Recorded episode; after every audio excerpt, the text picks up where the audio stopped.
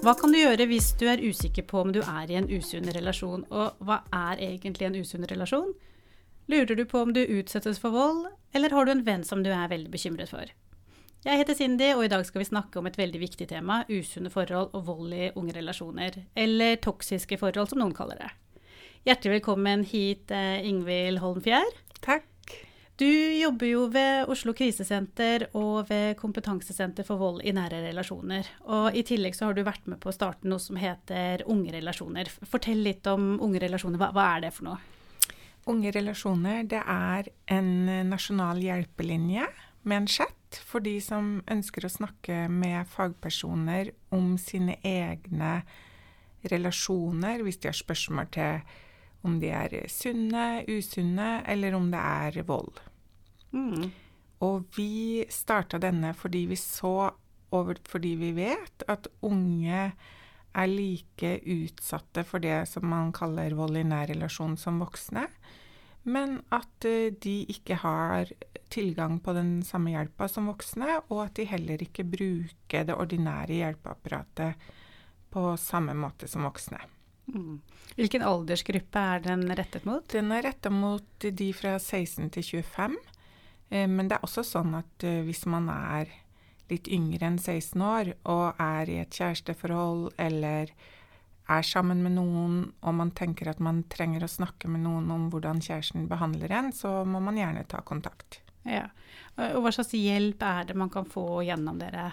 Den hovedhjelpa det er jo egentlig at man kan eh, ta kontakt via chatten og man er anonym, og da kan man snakke med en voksen fagperson om det man lurer på i forhold til sitt eget eh, forhold, den man er sammen med, eller om man er bekymra for en venn. Mm. Eh, og mange er usikre på om de har blitt utsatt for vold, eller er, hva er dette vold eller ikke. Eller om partners oppførsel er noe man bare må finne seg i. Mm. Og så er det jo mange ulike former for vold. Det er kanskje det fysisk vold man tenker eh, først og fremst på når man snakker om, om vold. Mm. Men de andre typene kan jo være minst like alvorlige. Kan ikke du bare ta oss litt gjennom de ulike typer av vold som finnes? Jo, det er jo som du sier, at det de første tenker på når man hører ordet vold, er fysisk sånn slå, spark, lugging, dytting osv. Eh, men det som kanskje er vel så vanlig, det er jo det vi kaller psykisk vold. Og det er at man blir kontrollert av partner, eller at partner sier stygge ting. Eh, bestemmer hvem man kan være sammen med og ikke, når man kan gå ut og ikke, hva man skal ha på seg. Og også at man hele tida f.eks. må rapportere hvor man er. Eh, og så kan det også være sånn at man eh, blir kalt stygge ting, sier stygge ting til hverandre. Eh, eller at man blir fortalt at man er dum, udugelig, eh, ja, ikke fortjener å ha en kjæreste, osv. Eh, og det er det man kaller eh, Vi som jobber med det, kaller det psykisk vold. Men uh, unge selv kaller det kanskje for usunne forhold, eller at de er i et toxic forhold, eller at de er usikre på om det er sånn det skal være. Så kanskje har de ikke noe ord på det, men de forteller ofte om at måten kjæresten behandler de på, får de til å føle seg redd, lei seg, eller at de føler at de ikke er gode nok. Og så har man den andre formen eh, for vold som skjer i sosiale medier, eller man kan kalle det for digital vold. Eh, og det er egentlig det samme, bare at kontrollen skjer gjennom smarttelefon, sosiale medier, eh, ulike apper og kontoer man er med på, eller ulike eh, ja, hva skal jeg si, ulike fora som ungdom er en del av, da, eller unge. Eh, og der er det egentlig det samme. At man kontrollerer, kaller hverandre stygge ting, truer med å spre nakenbilder eller nudes, eh, tar opp små videosnutter av hverandre og deler det til andre i nettverket uten at man har bedt den andre om lov. Um, og gjerne, eller ofte er det et litt sånn seksualisert innhold i de meldingene eller bildene eller filmene som blir delt. Eh, det er kanskje de to formene som er mest vanlig, og de som blir utsatt for det, sier ofte at eh, det er Å bli utsatt for psykisk vold eh, er ofte på en måte sår som aldri gror. At det ikke vises så godt utapå, men inni så setter det store spor. Mm. Og så har man eh, det som man kaller for seksuell vold men som jo høres veldig voldsomt ut, og kanskje ikke så mange kjenner seg igjen i. Men det handler mer om at man blir pressa til å ha sex når man ikke vil, eller at uh, man blir pressa til å være med på en type sex som ikke man vil eller har lyst til. Kanskje handler det om litt sånn hardhendt sex. Uh, det kan også være det at uh, partneren ikke er lydhør overfor hva du har lyst til eller har behov for, sånn at man er med på sex uten at man nødvendigvis gjør så mye motstand. Men fordi at forholdet er så usunt fra før, så tør man ikke å si nei, eller man tør ikke å gjøre så mye motstand, man bare er med på det.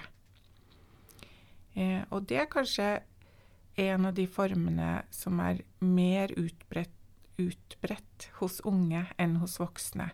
Altså ulike former for ufrivillig sex.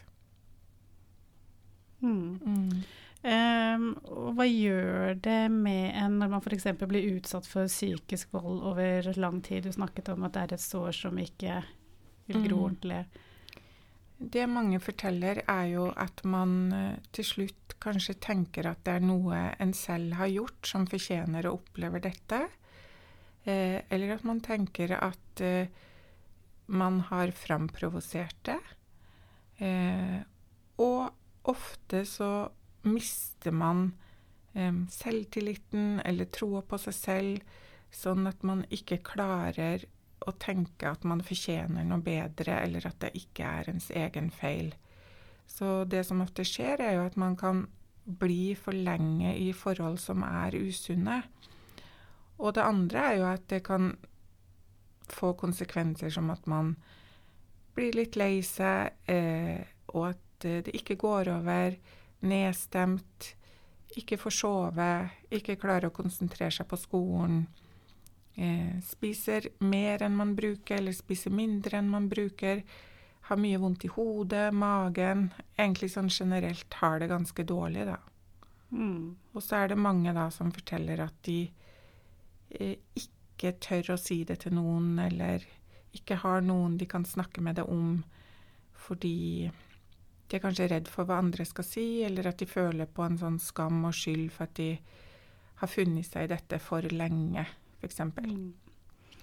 Og alle de tingene du nevner der, gjør jo det ekstra vanskelig å komme ut av et sånt forhold. Ja, det gjør det veldig vanskelig. Og så må man jo også huske på at også i forhold som er usunne, eller i forhold med elementer av vold, så er det jo også mange fine eh, stunder og episoder. Og det er jo en grunn til at man er sammen. Det er jo fordi man er forelska og glad i hverandre. Og mange har et håp om at det skal gå over, eller at det skal bli bedre. Mm. At han skal, eller hun skal endre seg. Ja. ja. Og så er det også sånn at um, ofte så kan man jo syns synd i eller har lyst til å hjelpe den som utøver vold, eller den som utøver, er veldig sjalu eller kontrollerende, fordi også de som gjør det, har som regel et ønske om å være en god kjæreste, men så får de det ikke helt til. Og så blir det for mye følelser, og så handler man på de, og det gjør at man kanskje går over noen grenser som man egentlig ikke har lyst til selv heller. Så det er veldig kompleks for begge parter. Og det er vanskelig å søke hjelp siden det ikke er så mange som snakker om at unge også kan ha det på den måten. Mm. Eh, og så tenker jeg Det kan være fort gjort å se for seg det klassiske scenarioet der en jente utsettes for vold av en mannlig partner. Men mm. det går vel også andre veien?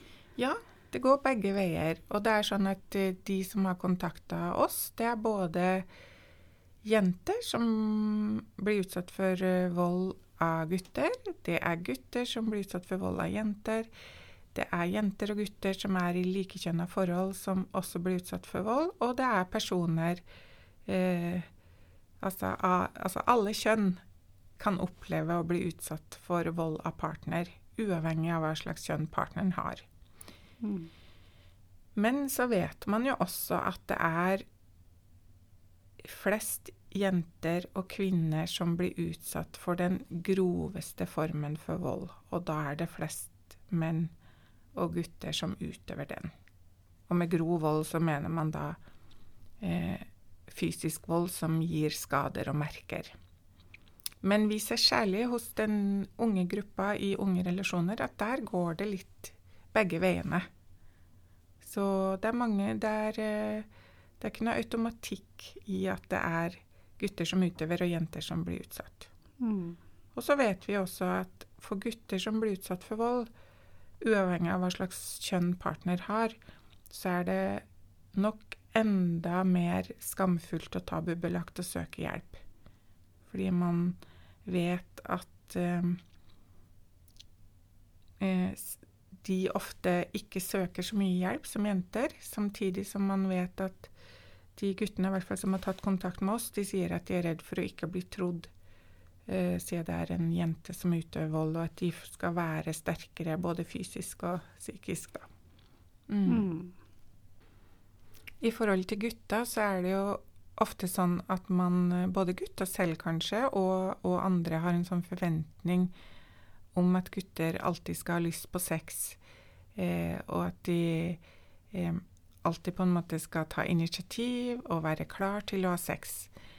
Og sånn er det ikke. Så sånn, det er jo ganske mye sånn forventningspress hos gutter også. Og det kan også være sånn at eh, kroppen, både til jenter og gutter, responderer som om at de har lyst til å ha sex, sånn fysiologisk. At gutter f.eks. kan få ereksjon uten at de nødvendigvis har lyst til å ha sex. Og hvis det er noen som utnytter det, og på en måte har sex med en gutt uten at han egentlig vil, eh, så vil jo det føles veldig skambelagt for den gutten å kunne si noe om at man opplever at eh, partneren presser seg til sex, i og med at man da allerede har ereksjon. Så det er en viktig ting både for, eh, for alle kjønn, egentlig, at selv om kroppen eh, responderer, og det ser ut som kroppen har lyst på sex, så er det ikke alltid at det er sånn man føler det inni seg. Mm. Så det er jo dette med å kommunisere i forhold til om man har lyst til det samme, Mm. er kjempeviktig. Samtykke òg. mm. Og samtykke. Vi snakker jo mye med unge om dette med samtykke, og det er kjempeviktig. Men jeg tenker samtidig at det er også veldig vanskelig. Og man krever ganske mye av unge i forhold til dette med å kommunisere rundt sex. For vi vet jo også at voksne syns dette er veldig vanskelig, og ikke snakker så mye om det. Um, men det betyr jo ikke at vi ikke skal gjøre det. Men jeg tenker noen ganger må man kanskje snakke om det på en annen måte, og snakke litt om sånn hva det får en til å føle, og hva er det som gjør at det er vanskelig å si nei. Eh, og ofte så er det jo mye som står på spill for begge parter når man prøver å ha sex, eller når man er nye for hverandre og kanskje ikke har hatt kjæreste før. Og. Så det er ikke så enkelt. Mm. Derfor er det jo enda viktigere at vi som er voksne, og vi som er fagpersoner, tør å ta disse samtalene med unge, da. Mm. Så sa du det er mange som tar kontakt som føler mye skam rundt det og sånn. og um, Mm. I forhold til kanskje hvis man har uh, I forhold til nudes og sånne ting. Mm. Det er mange som tar kontakt med oss som sier at de føler at de har lagt opp til det selv, eller at de ikke var tydelige nok i forhold til å si nei. Derfor så syns de det er ekstra skambelagt, og tenker også at de, de er litt skyld i det. Så det var en jente som tok kontakt med oss nå, som sa at eh, de voksne sier alltid at vi ikke skal sende nudes.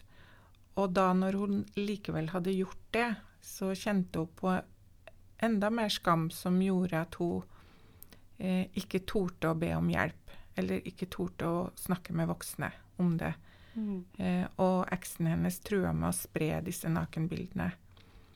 Så jeg tenker at kanskje bør vi snakke om det på en annen måte og tørre å si at når du skal sende nakenbilder, eller når du skal sende nudes, så er det lurt å ikke ha f.eks. ansikt og tiss på samme bilde. Mm. Og at eh, det ikke er så lett å kjenne igjen hvis man bare har bilde av kroppen for seg og ansikt for seg, f.eks. Eh, og at vi vet at det er mange som sender nakenbilder og nudes til hverandre, og det er spennende og gøy, og det er jo noe man gjør med noen man liker å stole på. Og så er det noen da som velger å misbruke denne tilliten etterpå. Og det er ikke den som sendte det sitt ansvar eller feil. Det er alltid den som misbruker tilliten sitt ansvar. Mm. Du nevner jo at uh, unge kan være redd for hva vi voksne sier, eller at vi har sagt ting på liksom feil måte. Um, men hva tenker du, hvordan kan vi foreldre være der for barna som er i usunne relasjoner? Er det, er det noen typiske feil som vi voksne gjør, tenker du? Det viktigste er vel kanskje at man som voksen og forelder vet at også unge kan være i usunne og voldelige forhold. At dette ikke bare er et fenomen som skjer i etablerte par. Og det å tørre å spørre barna sine, snakke litt med dem om hva de opplever, hvordan de er sammen. Kanskje si litt om at man har hørt at eh, mange unge f.eks. kontrollerer hverandre mye, eller krever å få passordene til hverandre Eh, og spørre litt hvordan er det for deg, hvordan er det i din gjeng? Og være litt interessert i da, hvordan de unge er sammen med hverandre på. Det tenker jeg kan være fint. Og mm. tørre også å spørre litt eh, mer spesifikt. Mm. Hvordan man har det sammen. Og også åpne opp for at hvis det er noe som er vanskelig, så kan man snakke med foreldrene, eller man kan søke hjelp andre steder. Mm. Vi vet av altså, ganske ny forskning at de fleste som sier noe, de går til mor eller mamma først. Mm. Eh, ja.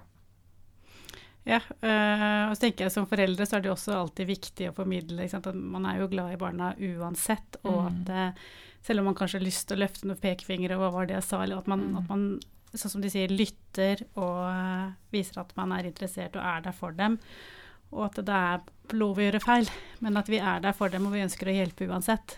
Ja, det tror jeg er kjempeviktig. Og når man er ung, så er man jo også ekstra sårbar fordi man har ikke hatt så mange kjærester før. Eh, man har kanskje ikke vært i forhold. Det er første gang man skal ha sex. Eh, og da er det helt naturlig at man prøver å feile litt. Det gjelder eh, alle, alle, sammen, egentlig. Alle har jo vært igjennom det. Og nå er det kanskje litt andre forventninger til hva man skal være med på. Og det er også mange flere fora man kan møtes i og bli kjent på, som både er bra, og som kanskje også er litt mer utfordrende, da. Mm. Du snakket litt om uh, utøver i sted, og, og, veldig mange av de som utøver vold, de har jo ikke noe bevisst ønske om å være voldelige, men uh, ofte lar seg styre av følelser og negative, negative atferdsmønstre som de ofte ikke ser selv engang. Mm. Um, og i voldelige relasjoner har jo personen som utøver volden, behov for hjelp til å bli bedre og endre atferden sin. Kan man få hjelp av dere dersom man selv har utsatt andre for vold? Man kan ta kontakt med oss og, og få hjelp av oss på chatten. Ja. Eh, det kan man. Og man kan også, vi kan også hjelpe de videre til andre som eventuelt kan hjelpe de mer i form av samtaler. Eh, så vi tenker at Eller vi vet da at uavhengig om man utøver eller er utsatt for vold, eller at man er vitne til eller lever med vold, så trenger man ofte det samme, og det er jo at noen hører på en. At man blir trodd, at man blir tatt på alvor, og at man anerkjenner det som har skjedd, uten at man får en sånn moraliserende pekefinger, eller eh, at noen prøver å fortelle deg at 'dette burde du ikke ha gjort', eller 'dette burde du ha skjønt'. For det å være i et usunt og voldelig forhold, det er eh, kompleks, og det er ofte vondt og sårt for alle som er involvert. Både den som utøver og den som utsettes. Hmm. Er det noen som utøver vold som tar kontakt med dere? Det har vært et par stykker. Um, og det har, vært, det har, faktisk vært både jenter og gutter. Og de har vært bekymra for egen atferd i forhold til hvordan de behandler kjæresten sin. Og det har ofte vært i sammenheng med rus. Og det har også vært at de har vært bekymra fordi de selv har vokst opp i en familie med vold. Og da har de tenkt at de kanskje har arva dette på en eller annen måte, eller at de er skada av det. Og at de er redd for at de skal bli som foreldrene. Mm. Og det tenker jeg er utrolig modig å ta kontakt eh, med oss og snakke om disse tingene. Og det er kjempeviktig at de får hjelp. Ja, sikkert Og- mye skam der og Masse. Og man vet, men det, som, det viktigste er tenker jeg, at man vet at det hjelper å snakke med noen. Og selv om man er vokst opp i, i en familie f.eks. med vold, så betyr det ikke at man selv kommer til å bli som mor eller far. mm. Det hjelper å snakke med noen, og, og ofte så er de også veldig flinke til å sette ord på hvordan de har det, og hva de føler, og hva det gjør med en. Mm, Og det er en veldig god start. Ja, ikke sant? Bare det at man tar kontakt og, og ser at det er et problem, er jo Mm. en veldig god start, Ja. som du sier. Ja. Men hvis man har opplevd at noen har tråkket over grensene dine og lurer på egne rettigheter f.eks. For i forhold til å anmelde og sånt, hva, hva pleier dere å anbefale da? Da pleier vi å anbefale at de kan em, eh, snakke litt mer med oss i forhold til egne rettigheter og anmeldelse. Og så bruker vi også å anbefale at de kan ta kontakt med noe som heter bistandsadvokat. Det betyr at de kan få litt sånn ekstra hjelp av en advokat i forhold til å vite om sine rettigheter.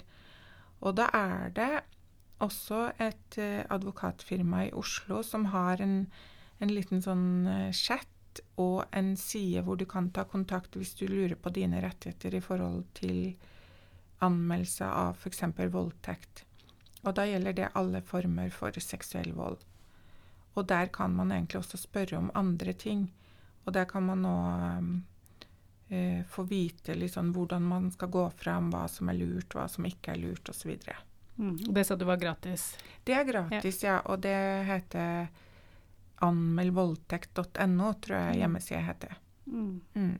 Men hvis de tar kontakt med unge relasjoner, så kan vi hjelpe de i, på veien i dette. Og finne ut eventuelt eh, hvor er det best å søke hjelp der du bor, eller om du vil chatte med noen, eller om du vil ha en telefonsamtale med en advokat en annen sted i landet, osv. Mm. Og så kan man jo også kontakte politiet, men ofte er det sånn at vår erfaring er at kanskje at advokater eh, kan gi litt mer sånn eh, informasjon om rettighetene dine, da. Mm. Og Ingvild, du jobber også med å svare på spørsmål på ung.no. Eh, Mm. hva slags type spørsmål er det ungdom eh, kommer med og lurer på i forhold til dette temaet?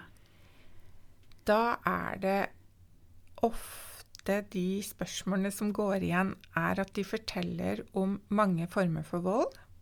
Det som vi har snakka om i dag, både fysisk, psykisk og seksuell. Og de forteller om usunne forhold hvor de blir kontrollert av partner. Samtidig som de lurer på om det er vold. Så de gir mange eksempler på, på hvordan partneren behandler de. Eh, og så lurer de på om det er alvorlig, eller om det er noe de har gjort feil som gjør at de fortjener det. Og så lurer de på hvordan de skal komme seg ut av det, eller hva de kan gjøre. Eh, og ofte er det sånn at både de som utøver vold, og de som blir utsatt for vold, har en veldig sånn smal definisjon av hva som er vold. Så selv om jeg bruker vold mye nå, så er ikke det noe de kjenner seg igjen i. Så de definerer ikke seg selv som en som er utsatt for vold, eller en som utøver vold, men at de er i et eh, eh, usunt eller eh, konfliktfylt forhold. Så ofte da så handler det mer om å få en sånn bevissthet rundt når kjæresten min behandler meg på denne måten, hva får det meg til å føle? Så hvis man blir lei seg eller redd, eller ikke tør å være seg selv, eller at måten kjæresten din behandler deg på, hindrer deg å leve livet ditt sånn som du har lyst til, da tenker jeg at det er et tegn på at det i hvert fall er et usunt forhold. Og så tenker jeg at det er ikke så viktig alltid hva man kaller det, eller om det er den eller den type vold. Eh, men at man skal i et forhold være trygg. Og man skal ikke gå rundt og være redd for kjæresten sin. Mm. Det var veldig bra råd og tips, Ingvild. Tusen takk for at du kom hit i dag. Takk for at vi kom med. Eh, og hvis du kjenner deg igjen etter å ha hørt på denne episoden, så snakk med noen om det. Enten en venn, eh, helsesykepleier på skole, helsestasjon for ungdom, eller som vi har lært i dag, ungerelasjoner.no. Mitt navn er Cindy Engmark Sandvold. Det tekniske var ved Helle Midtbø. Helle og Cindy har også hatt det redaksjonelle ansvaret.